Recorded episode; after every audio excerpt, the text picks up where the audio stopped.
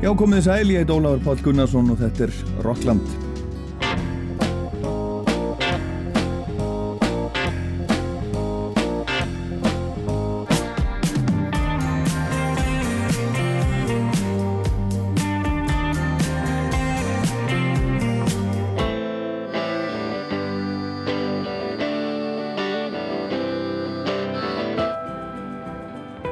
Í þættunum í dag eru konur í aðalhutverki, ein íslensk og ein færeisk. Stína Ágústóttir er íslensk tónlistakona sem býr í Svíþjóð og gerir þaðan út. Er enda með annað fótinn alltaf á Íslandi. Við heyrum í henni hérna á eftir en hún sendi vikunni frá sér lag sem heitir Body af væntanleiri plötu sinni, Drown to Die a Little og við heyrum nýja lagið hennar og líka aðeins meira annað sem hún hefur gert og svo er það hún Guðrýð, eða Gúri Hansdóttir, frábær tónlistakona frá Færiðum, bjóðum árabil á Íslandi og var til dæmis í FI háskólanum. En hún er flutt aftur heim til Færiða, sendi í vikunni frá sér tvö ný lög, fyrstu lögin í, nokkur ár og annað lagi syngur Æfur Pálsdóttir vinkunarnar með henni. Og Margaret Eyre, hún segir okkur svo frá nýja læginu sínu Days of Roses sem hljómsveitin hennar Thin Jim var að gefa út í vikunni. Og svo kemur Iggy Pop líka við sögu en það var tilkynnt í vikunni að hann liti í ár svensku Pólar tónlistarvelunin en þau verða afhengt í Stokkólmi í mæ og meðal þeirra sem hafa hlotið þessu eftirsóttu velun eru Paul McCartney, Elton John, Bruce Springsteen, Joni Mitchell, Led Zeppelin og Björk. En í dag er alþjóðadagur útvarps 13. februar og útvarsnótkun er nokkuð mikil á Íslandi. Meiri hlut Íslandingar hlustar útvarp á hverju meinasta degi og 87% landsmannar hlustar á í hverju mánuði og unga fólkið hlustar líka þrátt fyrir að margir haldi kannski annað. Unga fólkið, 12 til 24 ára, hlustar útvarp cirka klukkutíma á dag, samkvæmt nýjustu konunum. En ég bað Stefán Eiríksson út á stjóra um að senda hlustendum Rása 2 stuttakveðju í tilefni dagsins og hann brástu þetta vel við því. Ágætu hlustendur Rásar 2 og Rocklands. Það er hátíðisdagur í dag, 13. februar, fyrir okkur öll sem elskum útvarp. Því í dag fögnum við alþjóðadegi útvarsins. Útvarpið hefur fyllt okkur Íslendingu nú í rúm 90 ár. Útvarsnótkun er mikil hér á landi og hefur verið frá upphafi. Meiri hluti Íslendinga hlustar á útvarp á hverjum degi og næstum nýju af hverjum tíu eitthvað í hverjum mánuði. Og það ekki ástæðu lausu. Útvarpið er nefnilega miðill sem sinnir bæði þörfum stóra hópa og jáfnvel heillar þjóðar en lagar sig um leið að hverjum og einum. Við finnum í útvarpinu öll eitthvað við okkar hæfi, lærum inn á dagskrá og dagskrágerðað fólk og eigum öll okkar uppáhaldi í útvarpi. Á sama tíma á dagskráin í útvarpinu mótar stundum okkar dagskrá, þá höfum við ímist tækifæri til að móta dagskrá útvarsins. Því við sem hlustendur gerum kröfur. Kröfur sem útvarpið þarf að mæta til að halda eirum okkar. Þetta samspil útvarsins og hlustenda, þessi nánu tengsl sem útvarpið skapar, er líkillin að sterkri stöðu þessi dag. Það er gott á alþjóðati útvars að staldra við í örskott stund og þakka fyrir þennan frábæra miðil tals og tónlistar. En bara um stuttastund. Því ekki ætla ég að halda ykkur frá húnum frábæra útvarstætti Rocklandi öllu lengur. Til hamingjum með daginn, til hamingjum með útvarpið og til hamingjum með Rockland.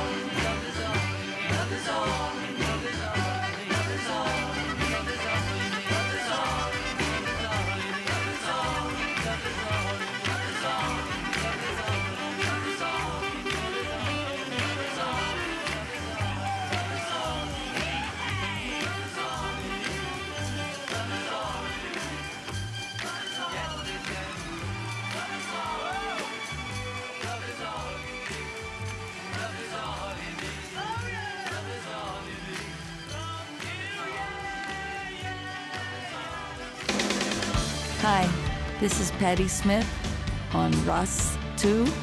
I'm in Iceland. I want to say hello to everyone and remind everyone that people have the power.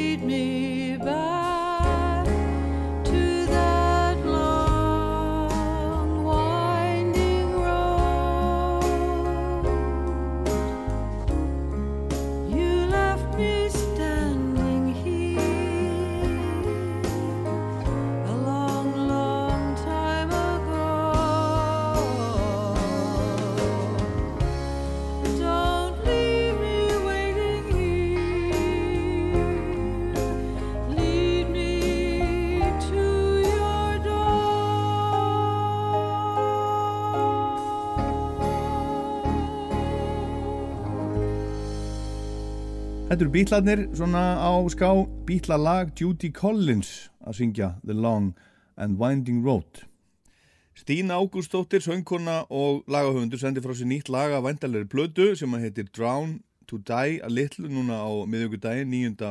februar Lægi heitir Body, heyrum þá hérna eftir en, en Stína er hérna með okkur í Rocklandi í dag, kondu sæl Sætla blessaður. Hvar ertu?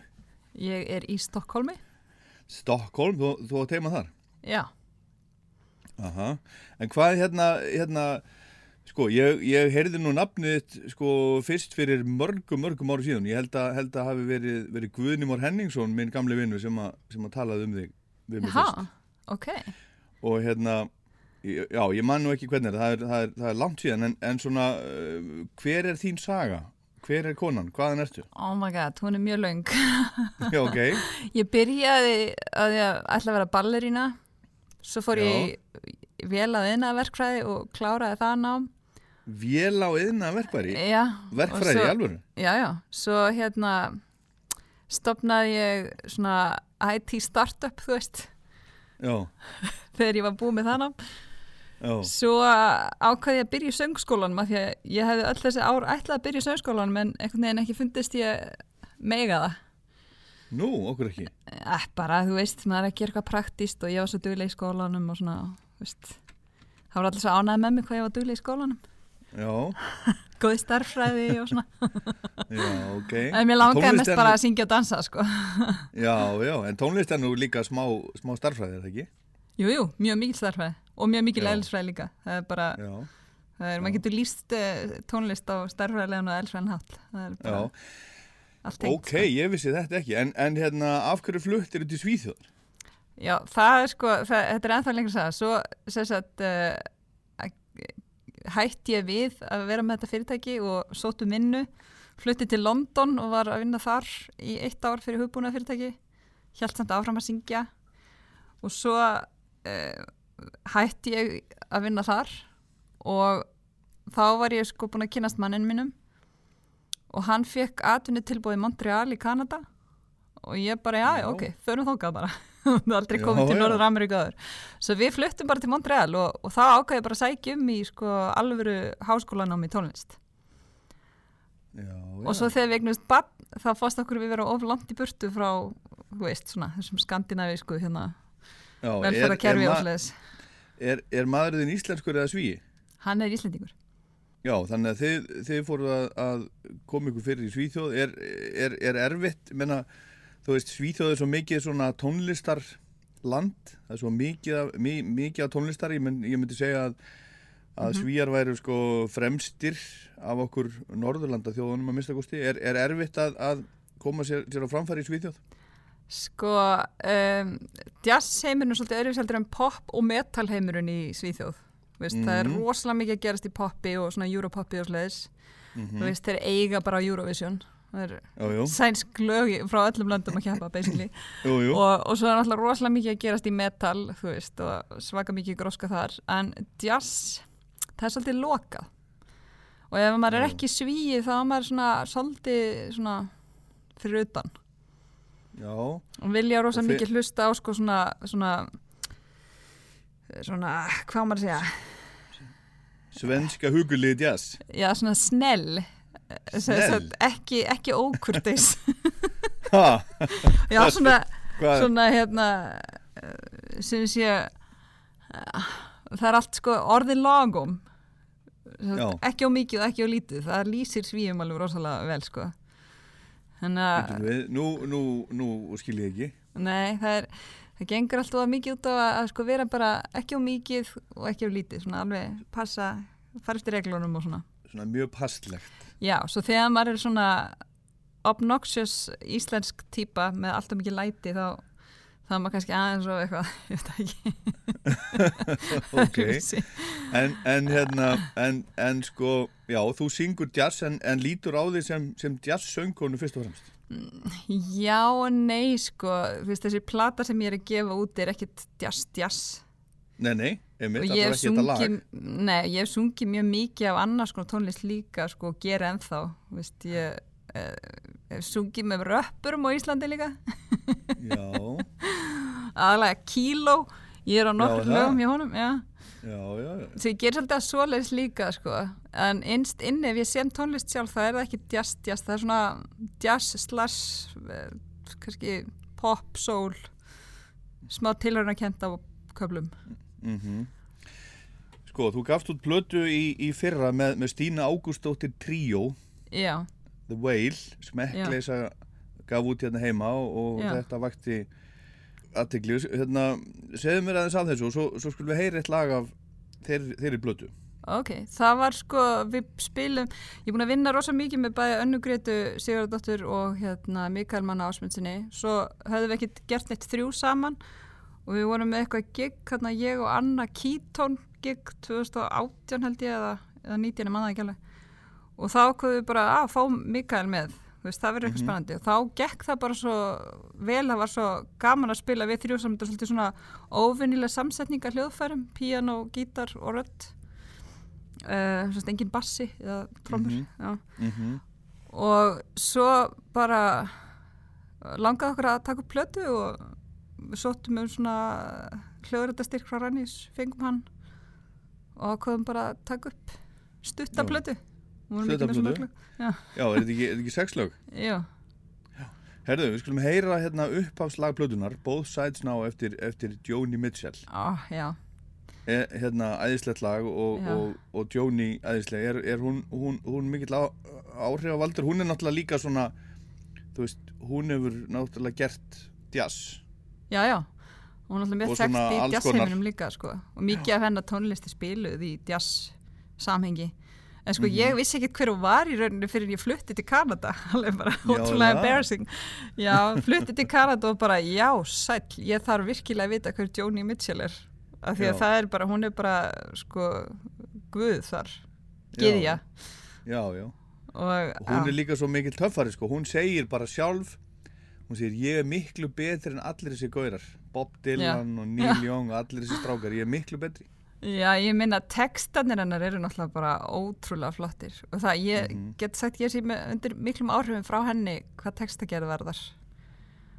Og ég hef mikið sko hlustað á tónlistin hennar og fengið svona innblástur Já, skulum heyra both sides now. ok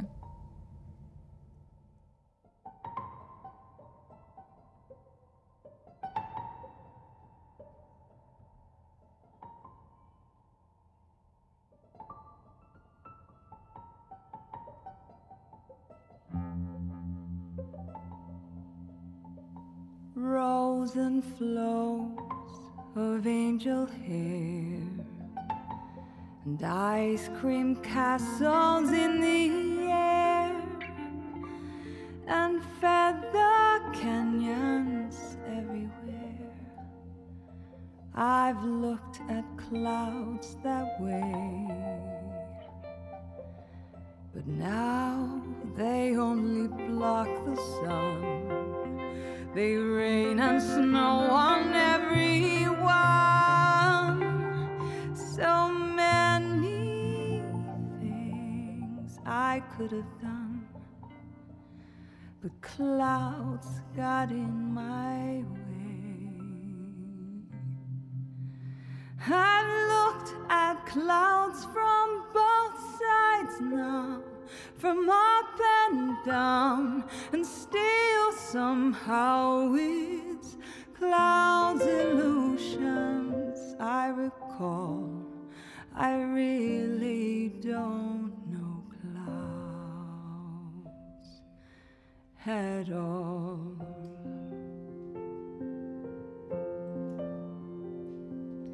moons and Junes and Ferris wheels, the dizzy dancing way that you feel as every fairy tale comes real. I've looked at love that way, but now it's just another show. You leave them laughing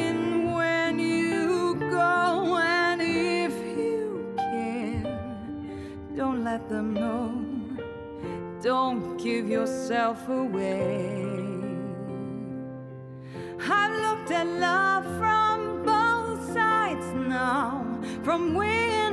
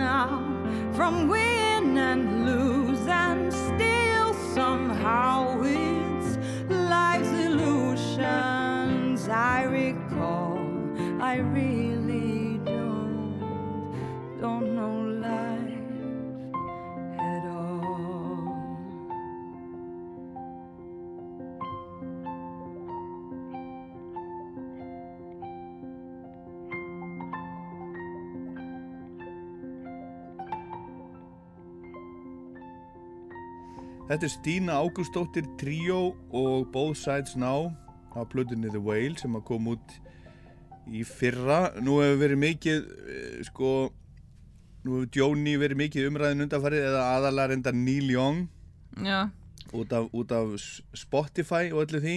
já, já, ég veit. Hefur, hefur fylgst með því? Assaultið. Já, hefur skoðun á því? Ég, sko, það er alltaf rosalega svekkjandi sem, sem listamaður eða listakona að um, að, að fá svona lítið fyrir listina sem að maður býr til. Mm og það er svekkjandi fyrir marga sko, ég er ég er ekki með neitt sjúklega stóran áhörndahópið en þú veist, fólk sem er með alveg fullt af hlustunum fær bara næstu ekki neitt. -hmm. og svo eru sko, þú veist yfirmenn og svona að fjárfesta í, í hérna vopnaþróun og eitthvað. Já, já, einmitt. ah, þetta er mjög flókið sko. En hvað maður að gera veist? Ég veit ekki, þetta er, þetta er nefnilega ótrúlega flókið. Og, og, og sko svo verðist að vera eftir því sem maður setur sér meira inn í hlutina þegar maður fyrir að elda peningana. Já, sjá hvaðan peningarnir rauninni koma í þetta hitt þá enda maður alltaf í einhverju einhverju, einhverjum flór finnst mér sko já, ég held að sínum bara flest sem við notum í dag tækni, föt, matur, hvað sem er. Peningandi fara í fáar hendur á endanum. Já, já, já við skulum ekki ræða, ræða mér um það. En, en hérna sko, já talandu um það að, að, að, að fá lítið fyrir listina, ertu, ertu að gera eitthvað annað heldur en að heldur en að fást við músík? ég er á tvö börn. Já, og ég er með gítarsjúkdóm sem er bara hérna, hvað maður að segja hálfvinna. Já, er það? uh, nei, svo á ég sko mann sem er með uh, traustavinnu. Þannig að Já. þetta er, þetta er ekki það mikið stress fyrir mig en ég vil náttúrulega vera fjárhagslega sjálfstæð og sliðis þannig að já, en þetta er rosalegt hark náttúrulega. Já, já, en ef að maður ef að þetta er það sem að maður brennur fyrir og þá er það bara þannig. Jú, jú.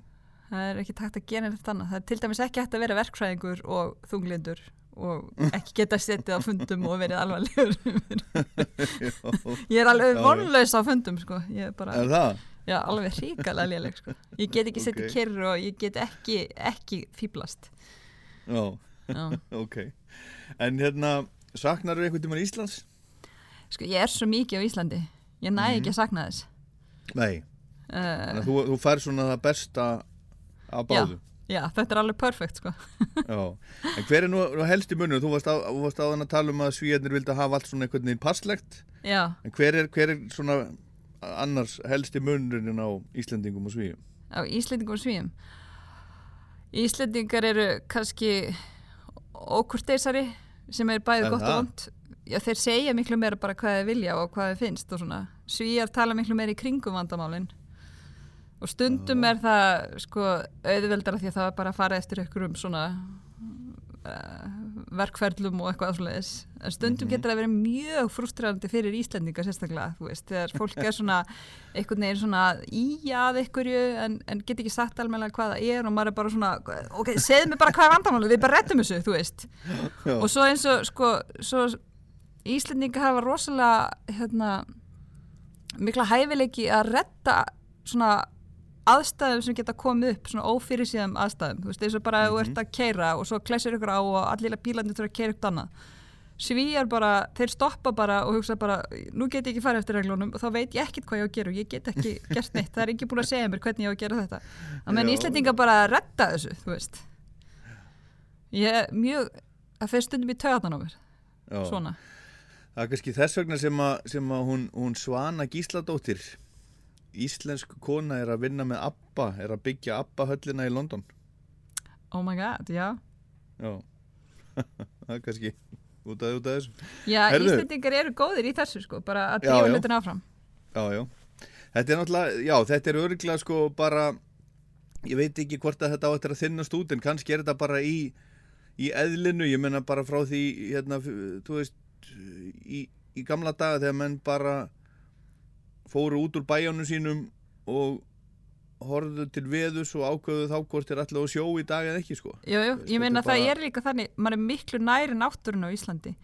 Hún ræður, Já, þú veist, það getur komið eldgós, það getur komið svakalega lægð eins og þannig um daginn já, já, og þá verður maður bara að breyta plönum og það verður bara að græja málinn, sko. Hér er bara svona, kemur rigning og það er allir að kvarta. Þannig að þú vilt hafa svona, þú, þér líður vel í svona dýnamík. Þú vilt hafa svona, Já, sko, ég náttúrulega nota þetta mér bara til framdráttar, sko, að geta aðlaða mig og, og svona verið svolítið fyrir utan byðröðina sem svíja standa í. já. bara, Ok. ég fyrir ekki, ég er útlendingur, ég kann þetta ekki, en þú veist, já, Já, ok. Herðu, við skulum heyra næst lag sem Ok. kom úr 2020 og heitir My Son Á, og, og, og hérna getur þú sagt okkur frá því lagi? Já, það voru tvö lög sem ég gaf út á sama tíma og annað heitir My Moon og hitt heitir My Sun, sko sól, ekki sonur, þetta er smá svona Mhm, flókið, en My Moon er sami um son minn sem var þá ófættur og uh, hann heitir Máni. Já, og hitt lagið er sami um dóttur mína sem heitir Lára. Uh, og hún er svona rosalegur orkubolti þannig að hún skín eins og sólinn en hvaðan hefur nú það? Ég veit ekki Herðu, heyrum My Son Ok.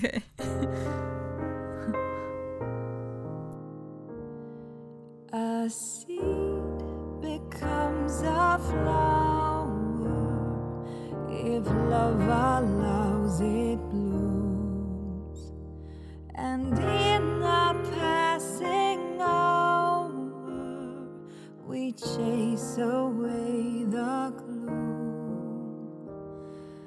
A gift of life is precious, the strife of keeping safe.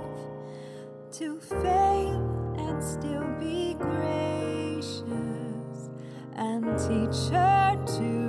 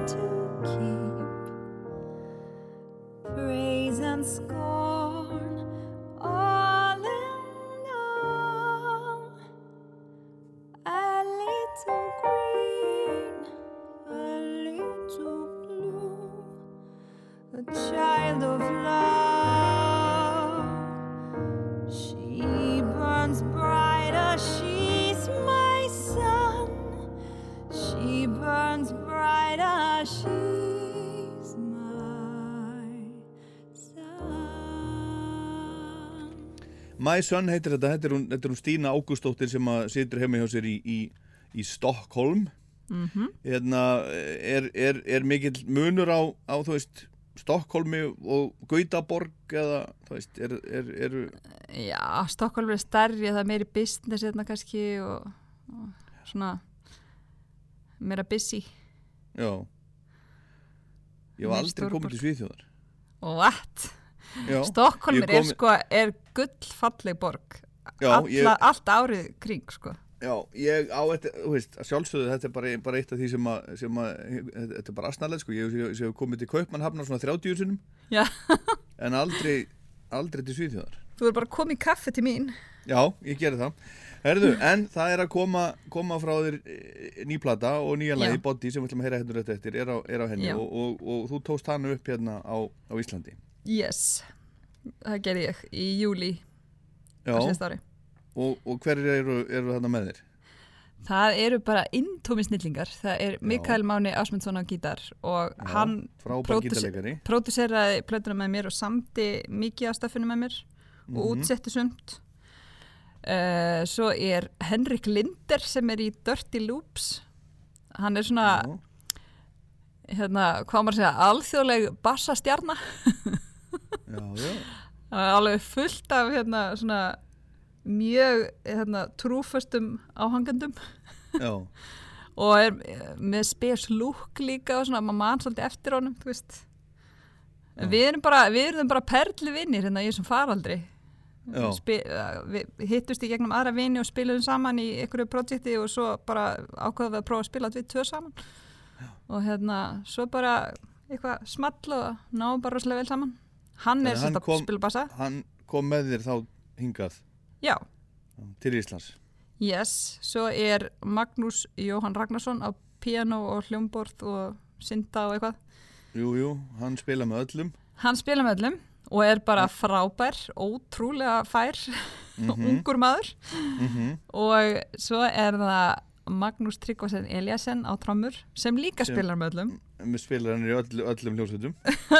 en það er bara duglegur. ótrúlega góð er Og hann og sko Henrik bassaleikari, það er svolítið mikilvægt að bassaleikari og trommari passi saman. Mhm. Og það vissi ég ekki fyrirfram. En þegar þið byrjuði að spila það var bara, þú veist, vá, Já, já. algjör draumur. Og svo er Albert Finnbúason, hann sem sagt próduseraði með mér og Mikael og Já, já. uh, sáum að mixa og uh, já, taka upp. En eitt snillingurinn. Já, ég veit. og þessi Já, hópur er bara, við náum alls svo ótrúlega vel saman og þetta var svo mikið kærleikur að Já. það var eins og við værum sko, við vorum þrjá daga í sundlauginni Já. og það var eins og þetta væri svona, eh, svona, æ, þú veist svona summer fling eða eitthvað, þannig að þetta Já. var búið þá var maður svona alveg heartbroken og, og hérna, fyrir að sakna þess að hafa verið með þeim og eitthvað. Já, bara, skemmt, þetta- já, já, skemmtilegt. Já, bara með betri upptöku sessjónum sem ég hef tekið þátt í. Já. Og, Herðu, þá skulum við bara heyra hérna, já, ætlið, þú ætlar að halda hérna einhverja útgáðu tónleika hérna heima og svona, nú er, nú er þetta COVID stand vonandi að verða búið og, og hérna, já, ég fekk og- og styrk allt frá hérna eh, sjóður um tónlistarhús og rutt eitthvað, svo ég á að vita þetta. Ruttar Hermanns. Uh, til þess að halda tónleika í hörpu þannig að ég verði í Kaldalóni 27. mars og þá Já, verður já. bandi sem var í stúdíunum með mér og líka fyluleikari, seljuleikari og svo er ég að reyna að tvinna einhvern veginn dansin í þetta líka þannig að já, þetta verður svona hver ætlar að dansa? kannski bara ég og einhver annar dansar, ég veit ekki, við erum Já. ekki búin að ákveða Já, alveg þú ert náttúrulega gömul ballerína. já, með gikt. Já, gömul verkfræði ballerína já, verkfræði ballerína. Stína Ágústóttir, verkfræði ballerína sem syngur. Hérna, og lægið sem við ætlum að heyra hérna nýja lægið, hérna Body, segðu mér Já. aðeins af því. ó, um, já ég ég var með svona ákveðna hugmyndir um hvernig þetta lag átt að vera og var komið með eitthvað svona uppkasta texta. Þetta er svona eins konar fyrirgefning til líkamanns míns fyrir að hafa verið allt dómhörð við hann í gegnum árin. Og bara ekki ég lærði í rauninni ekki að elska sjálfa mig almennilega fyrir en ég varð rosalega veik. Og svo langaði mig að fá okkur til að vinna þetta lag með mér og þá datt mér í hug kona sem ég þekkti að kynntist í Montreal sem að ég dyrka sko, hún er æðisleg. Hún sem svo flottlega og hún syngur bara, þú veist, ótrúlega vel. Og hún, hérna, Maya Davis hún bjó í Montreal og býr núna í Los Angeles og er að vinna bara sem laghöfundur og, veist, producent og, og syngur og svona. Og ég spurði hana, rosa feimin sko, bara, gæti þú kannski hugsaðar að gera þetta lag með mér og eitthvað, hún bara, já, já. Og svo var bara skrifaði niður allt og við, veist, fórum svona í gegnum hvað, segja mig læginu og, og ég grét og hugsaði og grét og söng og þú veist og svo bara kom þetta og við erum báðar alveg rosalega ánæða með útkomuna. Og þetta er kannski mest poppaða lægið á plötunni. Eða svona, ég veit ekki hvað maður kallar þetta, soul eitthvað. Mm og Skemmtilegt.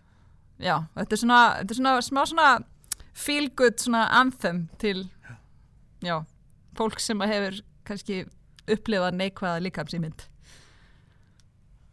yes. Herðu Stína, já. við skulum heyra lagið og, og takk fyrir spjallið. þetta takk sem er leiðis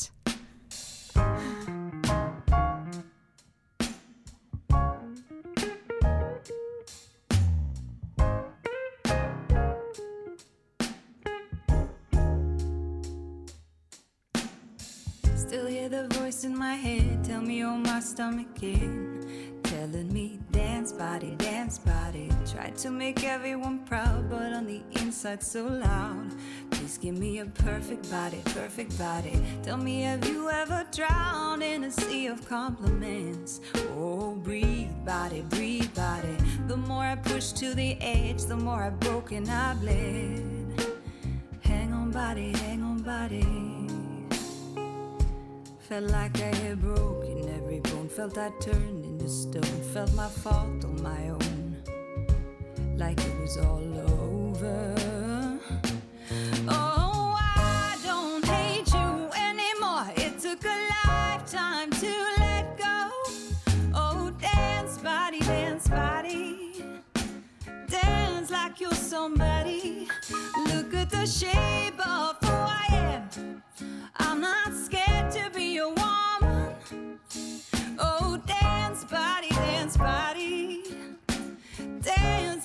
somebody.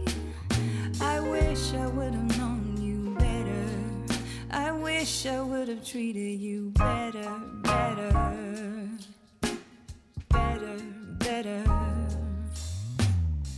I catch myself in the mirror, still see you judging so clear.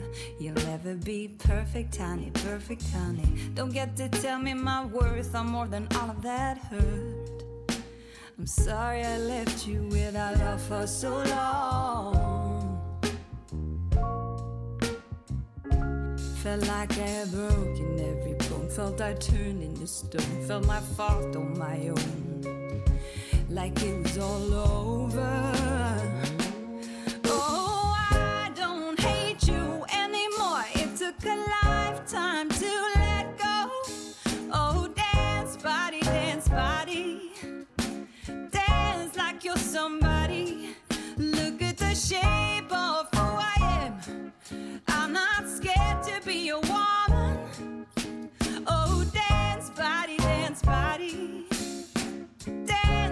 You're somebody.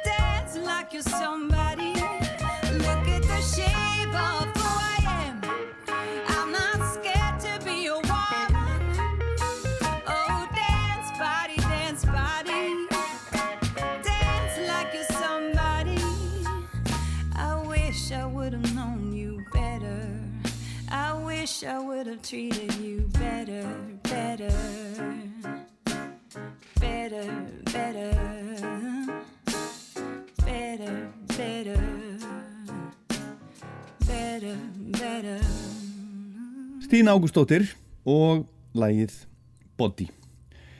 Og meira, meiri fréttir af, af eða frá Svíþjóð, það var tilkynnt núna í vikunni að Iggy Pop hliti í ár sænsku Pólar tónlistarvelunin en þau verða aðfendi í Stokkólmi í mæ og meðal þeirra sem að hafa hlotið þessu eftirsóttu velunni gegnum tíðin eru Paul McCartney, Elton John, Bruce Springsteen, Joni Mitchell, Led Zeppelin, Metallica, Sting, Pink Floyd, Max Martin, Patti Smith og Björk. Og þetta eru velun sem að, sem að hann startaði árið 1989 Stíg Andersson sem að var umbósmaður Abba á sínu tíma og, og uh, þetta er svona þetta eru eftirsótt velun og við skulum hlusta á það sem að Pólar velunin sendu frá sér núna í vikunni um þetta. The winner of the Polar Music Prize 2022 is Iggy Pop. Taking risks, trending new grounds, challenging the audience. No musician has done it in quite the same way as Iggy Pop. He's one of a kind, and with his poetic lyrics and provocative stage presence, he's considered the godfather of punk music. I started out frontman uh, for the Stooges. Uh, originally, I was throwing things occasionally at the audience. I'd throw myself, I'd throw a pie at them sometimes to wake them up. But later, people started bringing objects to the crowds to throw at us. And the, the first big one was a very, very big guy, a big boy, uh, in a biker gang called the Scorpions. And his initiation was to go to our gig and to throw eggs at me. So I was in a little ballet tutu, and he's tossing these eggs, and he got me with one in the face, and I was so mad. I didn't know who it was. He just looked at me like this. He had a studded knuckle glove on, and I went out and kind of confronted him, and he just, boom, one punch, knocked me out. So The Stooges and Iggy's music career started in Michigan, a state that is known for the automotive industry and a hyper-masculine imperative. The men there were expected to be macho, and it was reflected in the music they created. So you had to be you had to you had to be chin forward and cover all that, but at the same time, if you had any brains, which I did, there had to be some art to it. And at first, I was trying to write rock operas, uh, art pieces, but it wasn't making it. And my audience were the two Ashton boys, and they'd sort of, they'd, you know, they'd, they make a face like when you give your pet something it doesn't want to eat, you know, so like that. So I started writing just basic, long pieces that had a good beat. I think I was fortunate to have so much respect and interest in what Bob Dylan was doing in the 60s that I didn't want to get anywhere near imitating him or trying to do what he does. And uh, that kept me from being too wordy. I wanted to describe the macrocosm in the way that writers like him did without getting uh, out of character for a kid from the Midwest. So I tried to do everything with just very, very few words and uh, make those words kind of create the sketch of a picture that the listener can fill in.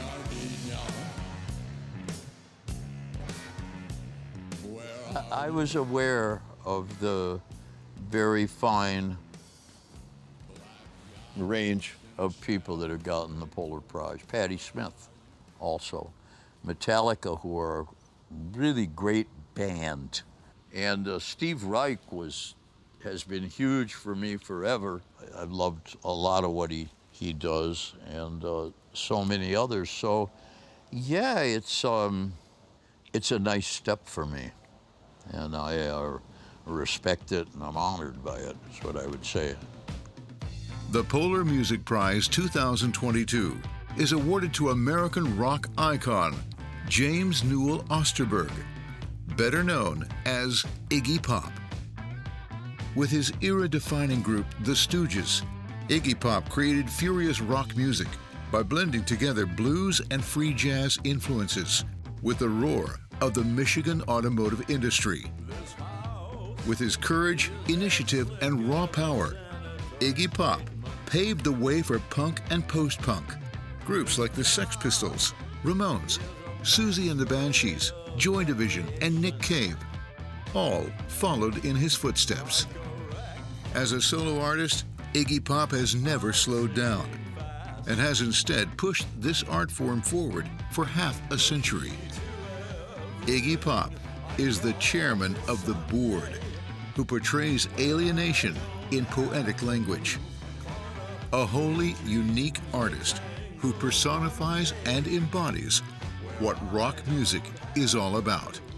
Hi, I am Iggy Pop, and I'm looking forward very much to coming to Stockholm in May to receive the Polar Music Prize and uh, meet whoever I may. Hey, it's Iggy Pop. You're listening to Rockland on Rouse Tour.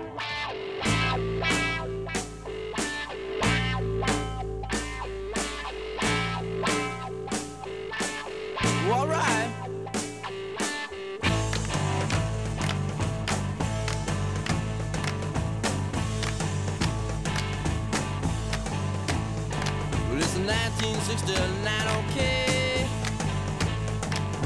War across the USA.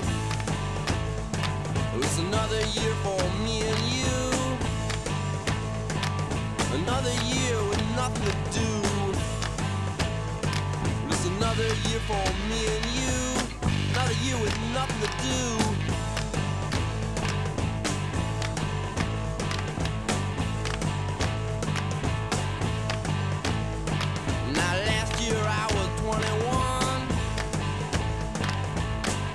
Have a lot of fun. And now I'm gonna be 22. I say oh my and a, a boo hoo. Yeah, now I'm gonna be 22. Uh, oh my and a, a boo hoo.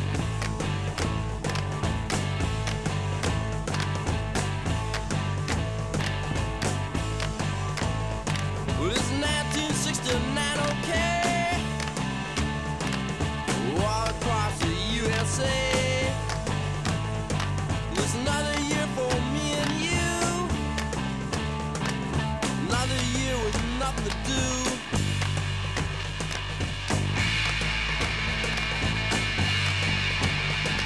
It's 1969. And it's 1969. And it's 1969, baby.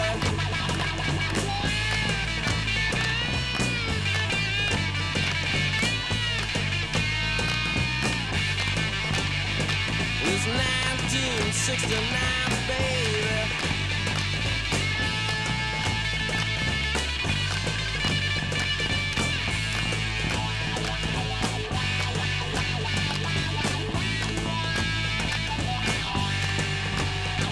It's 1969.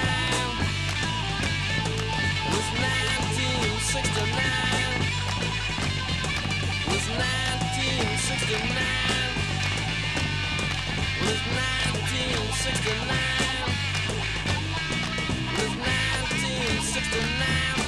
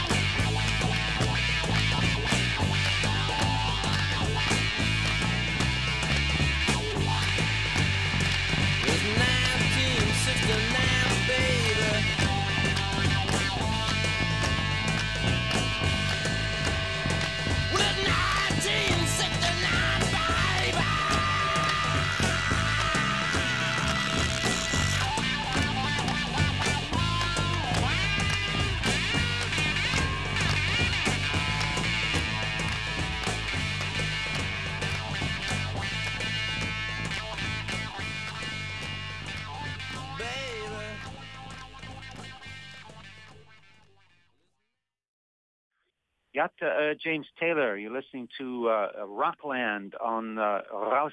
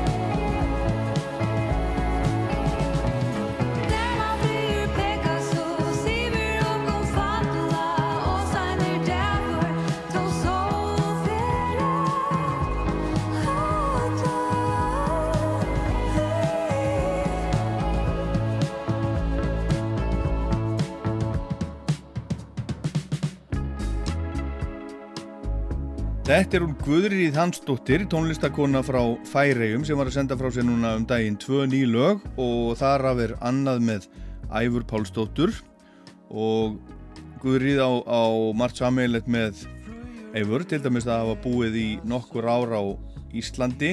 Er ég að segja nafnið kannski vitlust, er það Gúri? Uh, gúri. Gúri, Gúri, já. hæ, Gúri og, og velkomin í Rockland. Takk fyrir. Takk Hva, hva, ertu? Uh, núna er ég bara heima hjá mér í Færium. Ég um, ég, er- ég býr í sveit og sveitin heitir Velbastaður. Nú í sveit? Já, ég er bara flutt út í sveit. Ég, var, ég bjó, ég er alltaf búin að búa í Þórsöfn. Já, En uh, já, ég var bara að kaupa, hút, kaupa hús út í sveit og var mjög fínt. Þetta er kannski ekki svo langt frá Þórsöfn, það er svona tíu minútur að keira. En já, já, samt, já, já. já. En, er, en þú, þú ert frá hérna stað sem heitir Argir, eða ekki? Argi, já, en það er svona eins og, hvað segir maður, kópavor. Já, það er bara þannig, þannig að það er í rauninni bara hluti af, af þósöfn. En, en þú, já. ert, þú ert fyrir utan. Já. Ert með dýr og svona? En ég bara einn kött. Eitt hvað? Já, já, já, já. En þú veist, fullt af svona, það er fullt af kindum fyrir utan húsið mitt og svona, og hestum og gæs og svona, mjög kósi. Já, já, já, já. Já. En af hverju ákast að flytja út í sveit? Um, ég veit ekki, það er bara svolítið erfitt núna fyrir, um dag, eða veist, það er svo húsa, en ég, það er auðvitað líka svona Reykjavík, í Reykjavík, það er bara um, verðið á hús og íbúðun er bara klikkað núna, það er svo rosalega dýrt. Já. Og svo, já, svo var bara mjög gott hús til sölu sem ekki var svona rosalega dýrt hérna í Velbastað og bara, ég og fljóðsköldan við bara ákveðum að reyna Já. og bara uh, skemmtilegt svo, þá er Eivur líka, eða Eivur, hún er líka, hún býr líka nú á Velbastað. Nú, þarna rétt, rétt hjá þér. Já, við erum bara grannar, nágrannar og líka Tætur, þekkir hann? Já, já, já, já. Já, hann býr líka hérna, svo það er svona, svona, Ok. svona lítið community, svolítið skemmtilegt. Ætlið þið kannski að gera, gera plötu saman? Súpergrúpa? Eh, já, það ekki. já. Já. Það er margt vitleysara heldur en það. Já, en það er eitthvað, þú veist, með að bara búa í nótt, þú veist, það er svo rosalega, veistu hvað, þetta verið að velbastað, veistu hvað það er? Nei, ég veit ekki hvað það er. Nei, þetta verið kirkjubær. Já, ég veist að ég, ég hef bara, ég hef komið, hvað hef ég komið ótt í færi að? Þrísvar kannski? Já, þú Og- kannski bara verið alltaf í þósöfn. Ég hef aðalega verið í Þórsöfn og Götu. Já, einmitt, en heitt ég svona mótsatt af götu, það er ekki, maður fer ekki, þú keirir ekki uh, sömu leið sem þú fer til götu, þú ferst um, aðra leið. Já, já. þú eru ekki kominga, nei. Það er bara mjög, mjög fallegt. En hvað heitir, hvað heitir litli, litli bærin í fjallinu hérna rétt hjá flugvellinum? um, heitir hann Guasadalur eitthvað Já, Ég- ég, veit ekki alveg hvað Ég- það meinar. Nei, Ég, ég fór þangað, þá fer maður lengra heldur en, held, en flugvöllurinn Já, Svona no, já, nokkur einmitt. hús bara lítið, lítið þorp emmitt, en það heit, Svona- heitir Böa, Ég man-. Ég man ekki hvað, hvað það heitir En hérna, en, en lagi sem við vorum að hlusta á hérna, flott lag, Pegasus uh. Það var spilað svolítið á, á Rástöðu þegar það var, þegar það var nýtt Það er á, á plötunuðinni Painted Fire Er það ekki nýjasta plataðin? Það er nýjasta platan minn, en samt er er hún það er eh, sex ár síðan hún kom út. Så, þetta er, svo, hún er, er gömul plata. Já, hvað ertu vera. Já, hvað ertu búin að vera að gera undanfærin 5-6 ár? Ég var bara eignast börn. Já, Já, ég, var eignast, já, takk fyrir það. Ég fór bara í svona smá, uh, hvað heitir svona, uh, fæðingar orlof, getur maður sagt Já, það? já, já, já. Já, í svona fimm ár. Já, Já. Ég, var, var eigna, ég var eignast tvö börn. Eitt í 16 og eitt í 18 og svo ég er búin að bara vera að þú veist. já Já, Hugs- það er mikið vinna að vera með, já, hugsa um börn og Jú, bara jú. svona, reyna, já, það er, er mikið vinna. En núna er, er ég svona, er, er ég svona komin aftur og núna allir ég, núna er það bara full Já. on. Já. Akkurat, en hérna en, en, en pappiðinn hann er tónlistamæður líka þegar og hann kendi þér að spila á gítar. Já, það er rétt. er, er hann, er hann fræ, frægur í færium en er hann, er hann þek, þekktur í færium Um, já, hann er reyndar uh, dáinn, hann dá fyrir tveim árum síðan, en uh, já, hann var mjög, hann var, um, mjög frægur. Hann var að spila í, í hljómsveit sem heitir Straight Ahead mm og þetta var, þú veist, í 70 árunum og 80 árunum, það var það, það, þessi, þessi hljómsveit svona stærst- stærsta rockhljómsveit í færi. Já, já, já, já Já, så han, han kente mér að spila og kente mér tónlist og já. Já, en fórstu í tónlistaskóla? Uh, já, ég er búin að fara í tónlistaskóla. Ég var að læra klassis, klassiskan, tó, klassiska tónlist. Ég var að spila klarinettu í mörg, mörg ár. Já, já Já, og svo er ég líka búin að vera í skóla á Íslandi, Já, í tónlistaskóla, FIH. já þú fórst í FIH Já, líka, já. Já, Já, ég, ég var bara þar í eitt ár held ég. Já. já. en komstu Já. til Íslands til þess að fara í FIH eða, eða hvernig var það? Uh, nei, þetta var, fyrsta skipta sem ég fluttið til Íslands, það var að fara í kennaraháskólan. Já, Já, þetta er mjög, mjög langt síðan. Um, svo ég tók í nám þar, ég var uh, leik, er leikskólakennari. mhm Já, og svo flutti ég aftur til Færi og svo kom ég aftur til Íslands og þá fór ég í FIH, tónlistanám. og hvaða ár var það? Þetta er eh, bara tíu ár síðan held ég. Já, núna það er svo, tí, tíminn hlýður svo rætt. Jú, jú, En þetta var í, jú, í 2011, 12 Já. held ég, eitthvað svona. akkurat Og, þá var ég líka, að- þá spilaði, ég spilaði mjög mikið á, á Íslandi. Já, Já, það var mjög gaman. þú gafst út plötu 2011 Já, líklega áður en þú komst til Íslands eða hvað? já, það var áður, áður en. Já. Beyond the Grey og við skulum heyra eitt lag, með einhver spila eitt lag af henni sem að heitir A Faroese Fisherman Speaks of Drowning Já, hver er nú sagan og bakvið bakvið það? Já þetta, þessi, þetta lag, þetta er, eða sagan er sönnsaga úr, ennir eigu sem heitir Nólsau uh, og þessi eiga, það er bara, uh, þegar þú ert í þósöfn, þá serðu eina eigu, svolítið löng. Já, og maður sér bara beint yfir á hana. Uh, og þetta er sönnsaga um einn, hvað heitir það, en sjómann, eða hvað segir mann á íslensku? jú, sjómaður. Sjómann, já, en sjómann sem, sem te, segir frá sögu sinni. Já, já Já, Og var hann að draugna? Er, eða er hann, er hann sem, sem sagt að draugna? já, eller hann var út fyrir einhverju svona, uh, uh, hvað segir mann, ólukka. Já. Óhappi, varð fyrir Ó, óhappi segir mann Happi á óhapp sjó. líka á íslensku? Óhapp, já, Já, það er sama færisku. Í stundu það veit ég ekkert, þú er þetta færisku eller íslenska er Já. Þetta er, er, þú þetta er svo Já. rosalega líkt tungumál. já Svo ég veit samt- stundum ekki hvaða tungumál ég tala. Nei, nei, en samt Já. mjóli Og, og þú, Já, þú, þú, samt átt í, og þú, þú átt íslenska mannið ekki? Ég, ve- já, jag och isländska man och vi tölum saman, du vet, vi tölum hemma, det är bara isländska och färöska allt bara blandat. Vi vet inte vi vet inte mycket bättre vad vi vill tala. Nei, ok. Já. Herðu, við skulum heyra Já. þetta, þetta fína lag hérna. Ja.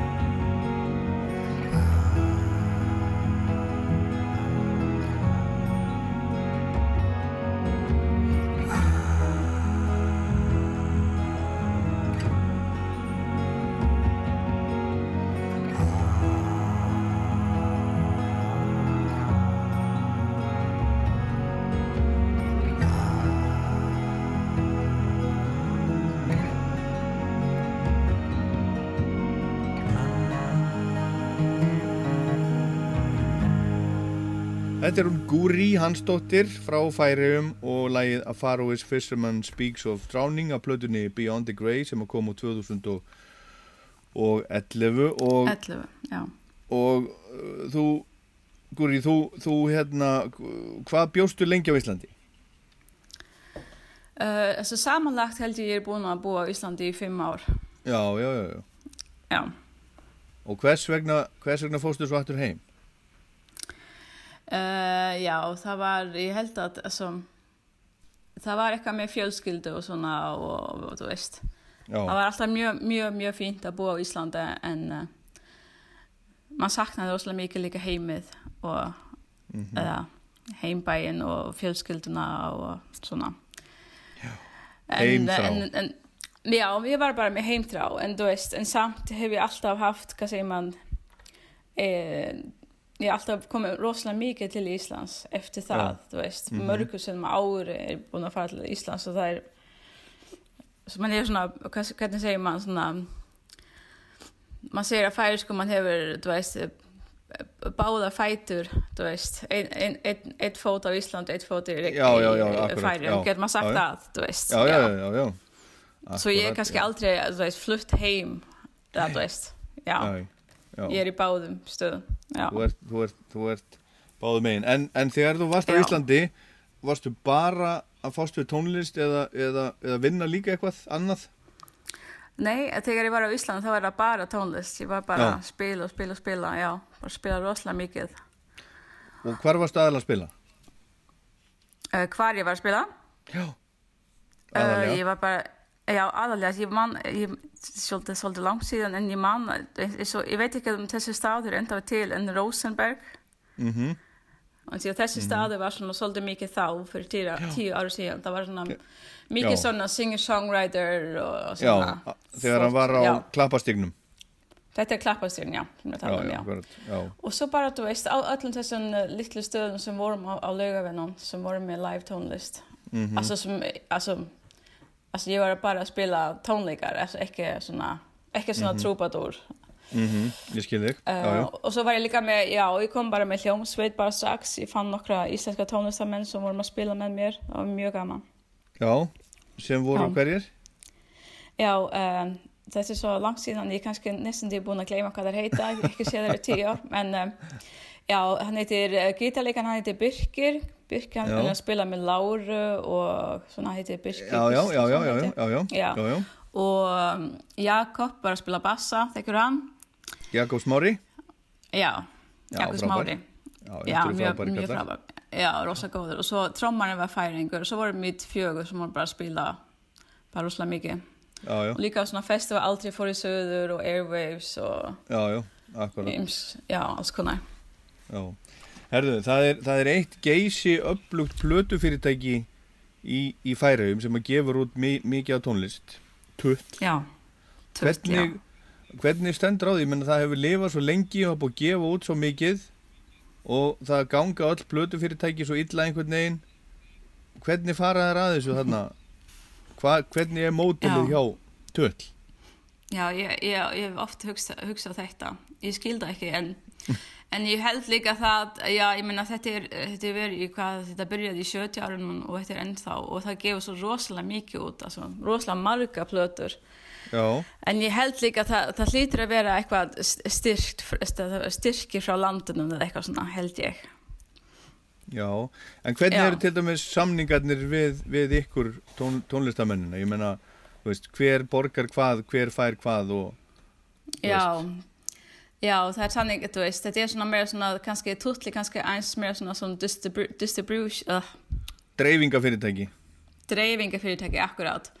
Så það vil segja það að allir þær sem er að gera plötur, það er borga, þú veist, það borga alla plötuna sjálfur. Já, það er listamaður þannig. borgar allt sjálfur, já. Þa- þess vegna er það, uh, er, hefur kannski tutli ekki svo mikið af uh, kostnaði. Já, já, þannig að, þannig að þegar Svo- þú gef, gefur út plötu þá borgar þú í Já. rauninu upptökurna sjálf. Já, Og, og það gera allir. bara, sér bara um framleiðsluna og Já, það gefið út já. á, á merki tull. En hver, en hver á þá, þú veist, upptökurnar? Átt þú, þú já, upptökurnar? hver, hver, já, ég, já, ég á upptöknar, já, ég á masterinn. Já, Ja. Ja, och så getur man gert svona samning, du veist, i fem år eller tio år eller längre än það. mhm, Så det är så det, det är såna kanske eins meira såna, vad säger man, såna community. já, Ja, du veist, ja, att man är, pa- du veist, det är Christian Black, han, det är gøyren som autot, han är bara, mhm, han är bara búin að gera så rosalega mikið fyrir færiska tónlist og jú, jú. og ég Dásamlega held að þú maður. veist já, að dásalega maður og allir vilja bara, ég held að þetta er bara gaman að vera með í þessu community og man kannski ekki þegar, þegar man gefur plötu út hjá tull þá kannski hefur man ekki svo mikið heldur uh, hvað heita svona væntingar um að þau vilja gera eitthvað rosalega mikið, þau gera sitt og þeir að dreifa plötunni og svona senda hann út til uh, Já, já. búðir og allt þetta dig digital um, Mhm. dæmi, já já, já. Så Þetta þess vegna held ég að, þess vegna þá, þá er þetta hægt að vera, þess vegna er, er það, hvað segir man? Um, ah, ég, Þess vegna geng, gengur þetta bara upp. Þess vegna gengur þetta bara held ég af því að, já, Já, akkurat. Herðu, en, en Guri, þú, þú syngur núna á færisku en þú er líka sungið á, á ensku. Og hvernig er, er staðan varðandi þetta í, í, í færiðum núna? Og, og þú veist uh, af hverju eru lögiðin á færisku núna en ekki ensku til dæmis Um, já, um, ég er búin að gefa nokkra plötur út á ennsku og þetta er líka svolítið langt síðan. Um, en núna held ég það að það er miklu meira, ég held að næstum því allir í færium syngja nú á færisku, en það var ekki fyrir svona 15 árum síðan. Já. Það var ekki, svo, ekki cool að syngja á færisku, það var bara verið ennsku. Mm. Af því að, þú veist, ef man gerir eitthvað færisku þá er það, þú veist, það hefur enga sjens í, í hvað segir man, útlandinu og svona unambitious svona var fyrir 15 árum síðan. Já, en, En, en núna, núna er það bara orðið cool, held ég, að syngja færisku. En, en ég, um, það sem ég er bara, um, mér finnst það bara að vera eitthvað, um, það er bara allt öðruvísi að syngja á færisku, það er eitthvað, það er auðveldar að tjá sig Mhm. fyrir mig. Um, så þess vegna valdi ég að gera eina plötu bara á færisku. Ég hef bara alltaf haft uh, enska plötur eða enska plötur með nokkrum færiskun lögun á. En núna ætla ég bara að prófa að gera eina já, plötu með á bara Já. Erðu, við skulum Já. heyra þú varst að senda frá þér tvö nýlög við skulum heyra annað þeirra sem heitir Blátt myrkur um hvað er þetta að syngja þarna? Já, þetta er bara svona uh, um svona, hvað heitir það, þegar mann er í, í sambandi og það kannski ekki enga svo rosalega vel. Já, svona, Já, já, að, að, að man verður svona, man um, verður, hérna, verður, uh, hvað, hvað segir man, um, uh, blátt myrkur, það verður, um, hvernig segir man að það detta niður, getur maður sagt það? já, bara já, já, já þú bara Já. segðu það bara á færisku eða einhvern veginn bara Já, já, já, man dettur niður í, í, eh, í eitt, uh, þú veist, í eitthvað blátt, í eitthvað blátt myrkur. Já, já, þetta er svoleiðis, Já. þetta er svona blues Yes. Já, you, you Já. got the blues Þetta er akkurat það, það man hefur, ég það man hefur, já, Já, you got the blues, já.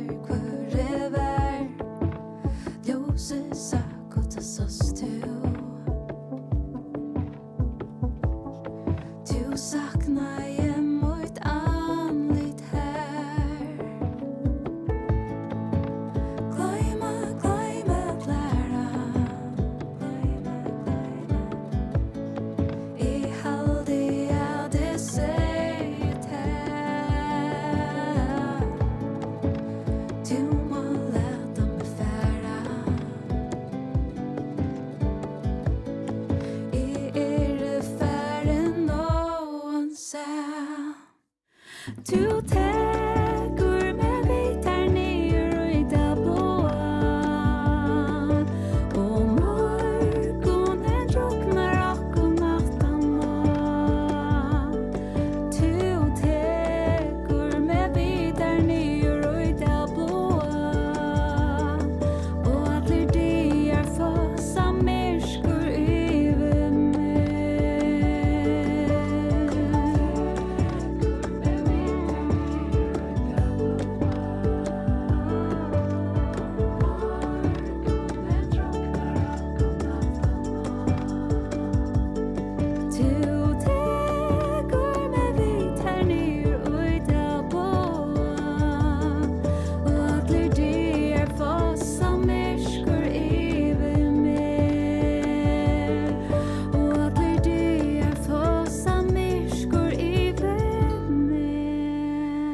Þetta er hún Guri Hansdóttir og annað af tveimur nýjum lögum sem við heyrum með henni hérna í Rockland í dag. Hún er, hún er heima hjá sér í Færeum sem að heitir aftur, aftur hvað?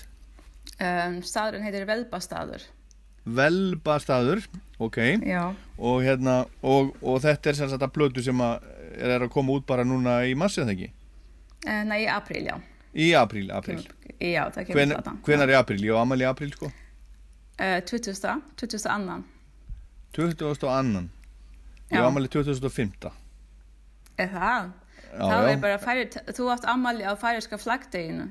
Já, er það virkilegt, já? Ég ætti kannski bara að flytja til færi. Já, Ah. þú myndir allir flagga fyrir þeir. Þeir eru hátt ammali.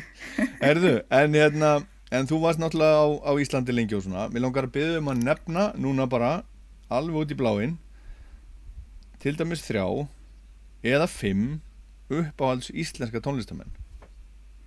Uppáhalds, ja. Alltså, all, min uppehålls isländska tonårsamadet här är Oskar, Oskar Tröste.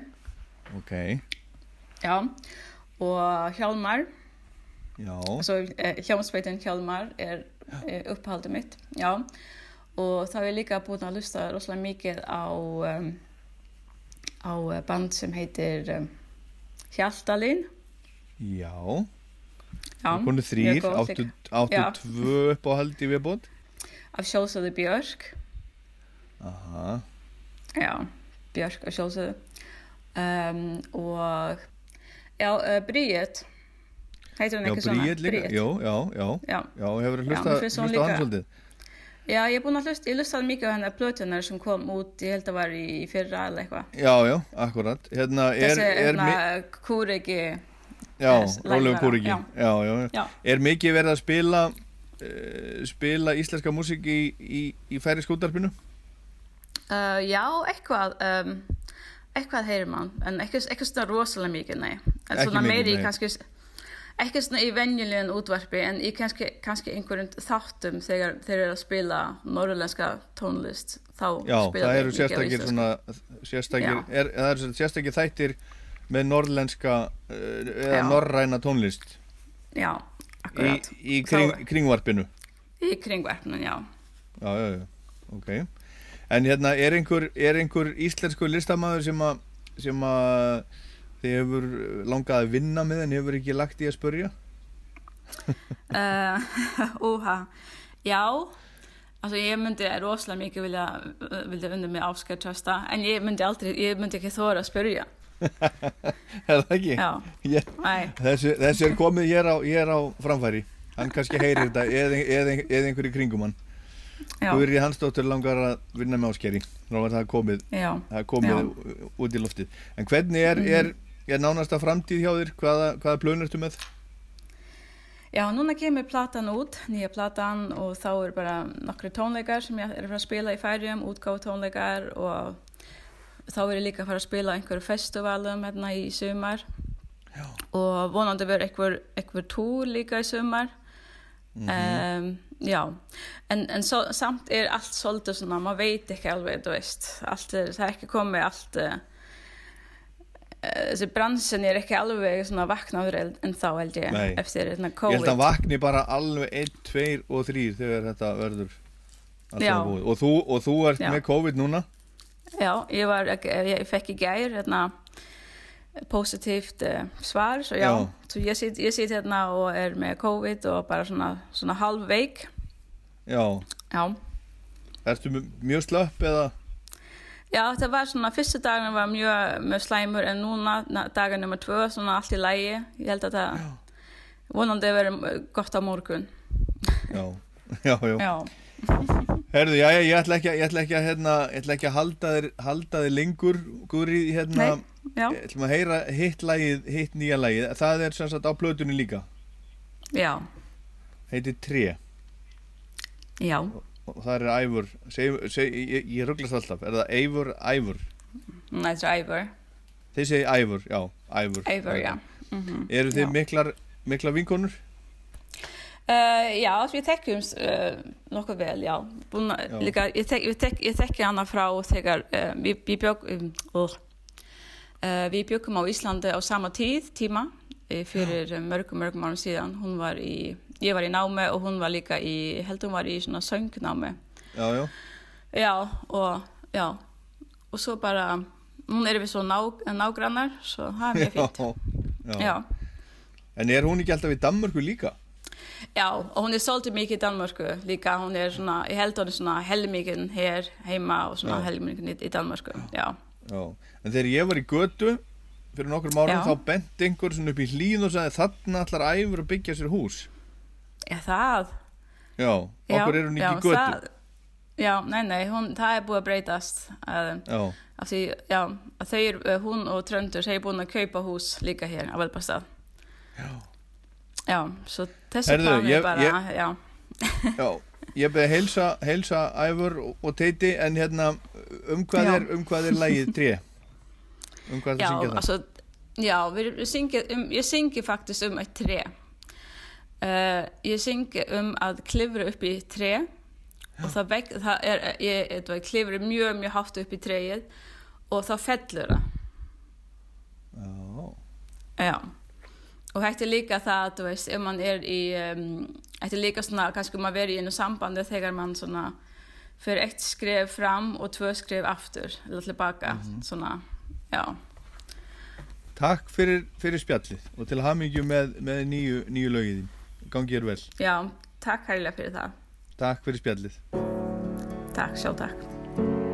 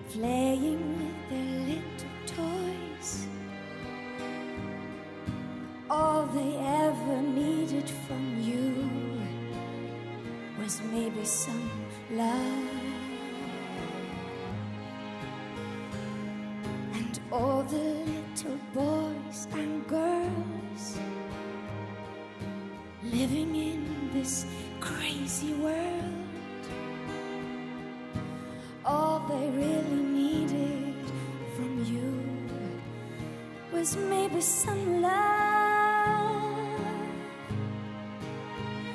Oh, why must we be alone? Why must we be alone?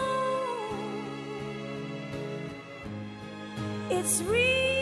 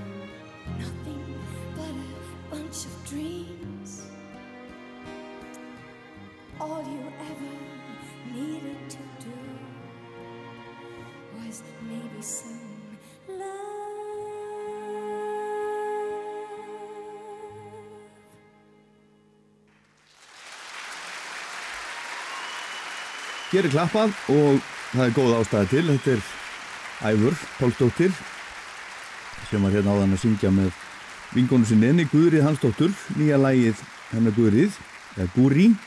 En hér er hún í Reykjavík á minningatónleikum um John Lennon 1. desember árið 2006. Þetta er upptaka úr safni Rása 2, þarna sungu heinur og þessir lög Lennons með Symfóníuljómsveit Íslands og hljómsveit Jóns Ólafssonar. Þetta er allt saman til í safni útarsins og nokkrum árum fyrr spilaði Ævar og söng í íslensku óperunni með vestur Íslandingnum Bill Bourne. Við skulum heyra þaðan eitt lag eftir bandarækjamannin Towns Van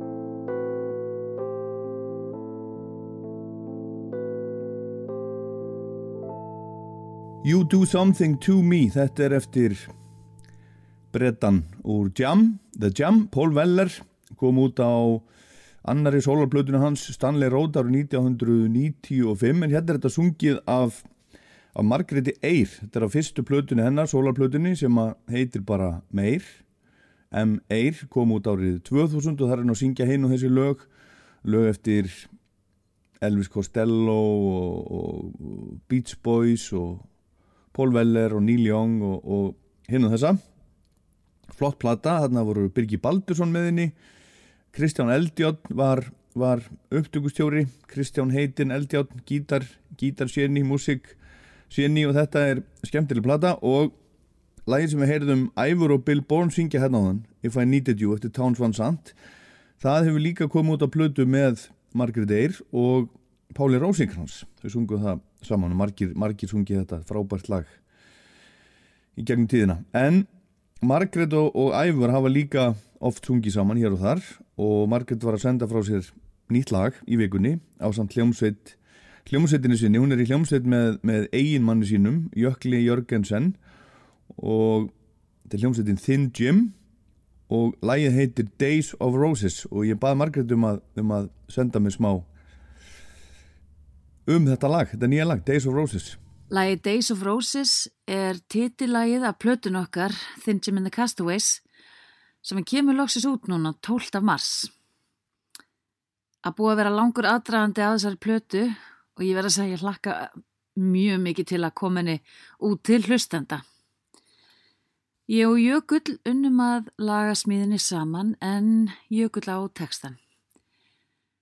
Við ákveðum að nú var ég komin tími að ég fengi að fara undir hendunar á upptöku snilling og við höfum samband við mann sem heitir Gary Passosa sem að mixaði fyrstu plötu þinn Jim, This Is Me. Það er orðið hvað tíu ár síðan hún kom út. Hann hefur unnið til nokkra grammi veluna fyrir upptöku sínar og hann hefur verið að vinna mikið með Alonson Krauss og Dolly Parton og hann hefur bara gríðarlega mikla reynslu á söng-upptökum. Nú við lögðum land undir fót og fórum til Nashville til þess að hitta hann í februar 2019. Hann er með stúdióið út í skúr hjá sér. Þetta var bara rosalega spennandi og við vissum, við hefum aldrei hitt hann á hann við vissum ekki hvernig hann væri og svona en hann tók alveg svakalega vel á mót okkur. Við byrjum á því að spjalla þessi klukkutíma. Það er svona bara hans að kynnast og hann sagði okkur nokkra bransasögur og smá slúður. Um, og við tölum líka mikið bara um röttina og ég sagði hann að ég væri eða hvað ég væri búin að vera að gera til að vinna í röttinni minni og svo í sjálfu mér svona samhliða. Svo var komin tími til þess að syngja. Og stúdíóðin sem mjög kósi það er alls konar ljós og fullt af svona dekor, stöffi hann var líka búin að skræla smá börk af appilsinu þess að kæmi svona góður ilmur. Allt til að söngkonan eða þú veist í þessu tilfelli ég geti gert mitt besta í upptökunni. Því að menna líði vel, þá treystir maður og þá getur maður slaka betur á og flæði verður bara betra. Mækurinn, já, ó, nú mann ég ekki hvað hann heitir, en hann var rosalega næmur og hann sagði mér að hann hefði verið að vin- vinna sem taka upp Paul McCartney bara nokkrum dögum áður og hann notaði sama mæk. Ok, geggjað, ég var bara sátt við það. Og ég byrjaði að syngja og tók nokkrar tökur bara til þess að hita upp. Jökullar inn í kontrólherbyggi með honum og hann saði mér svo eftir að hann hefði verið mjög einbeittur bara við að hlusta á röddina, hvað ég var að gera og var bara fullu að græja og gera bara allt þess að komast að kjarnanum sem hann náði heldur betur. Ég man allt í einu að ég heyrði í sjálfu mér eins og ég aldrei heyrst í mér áður.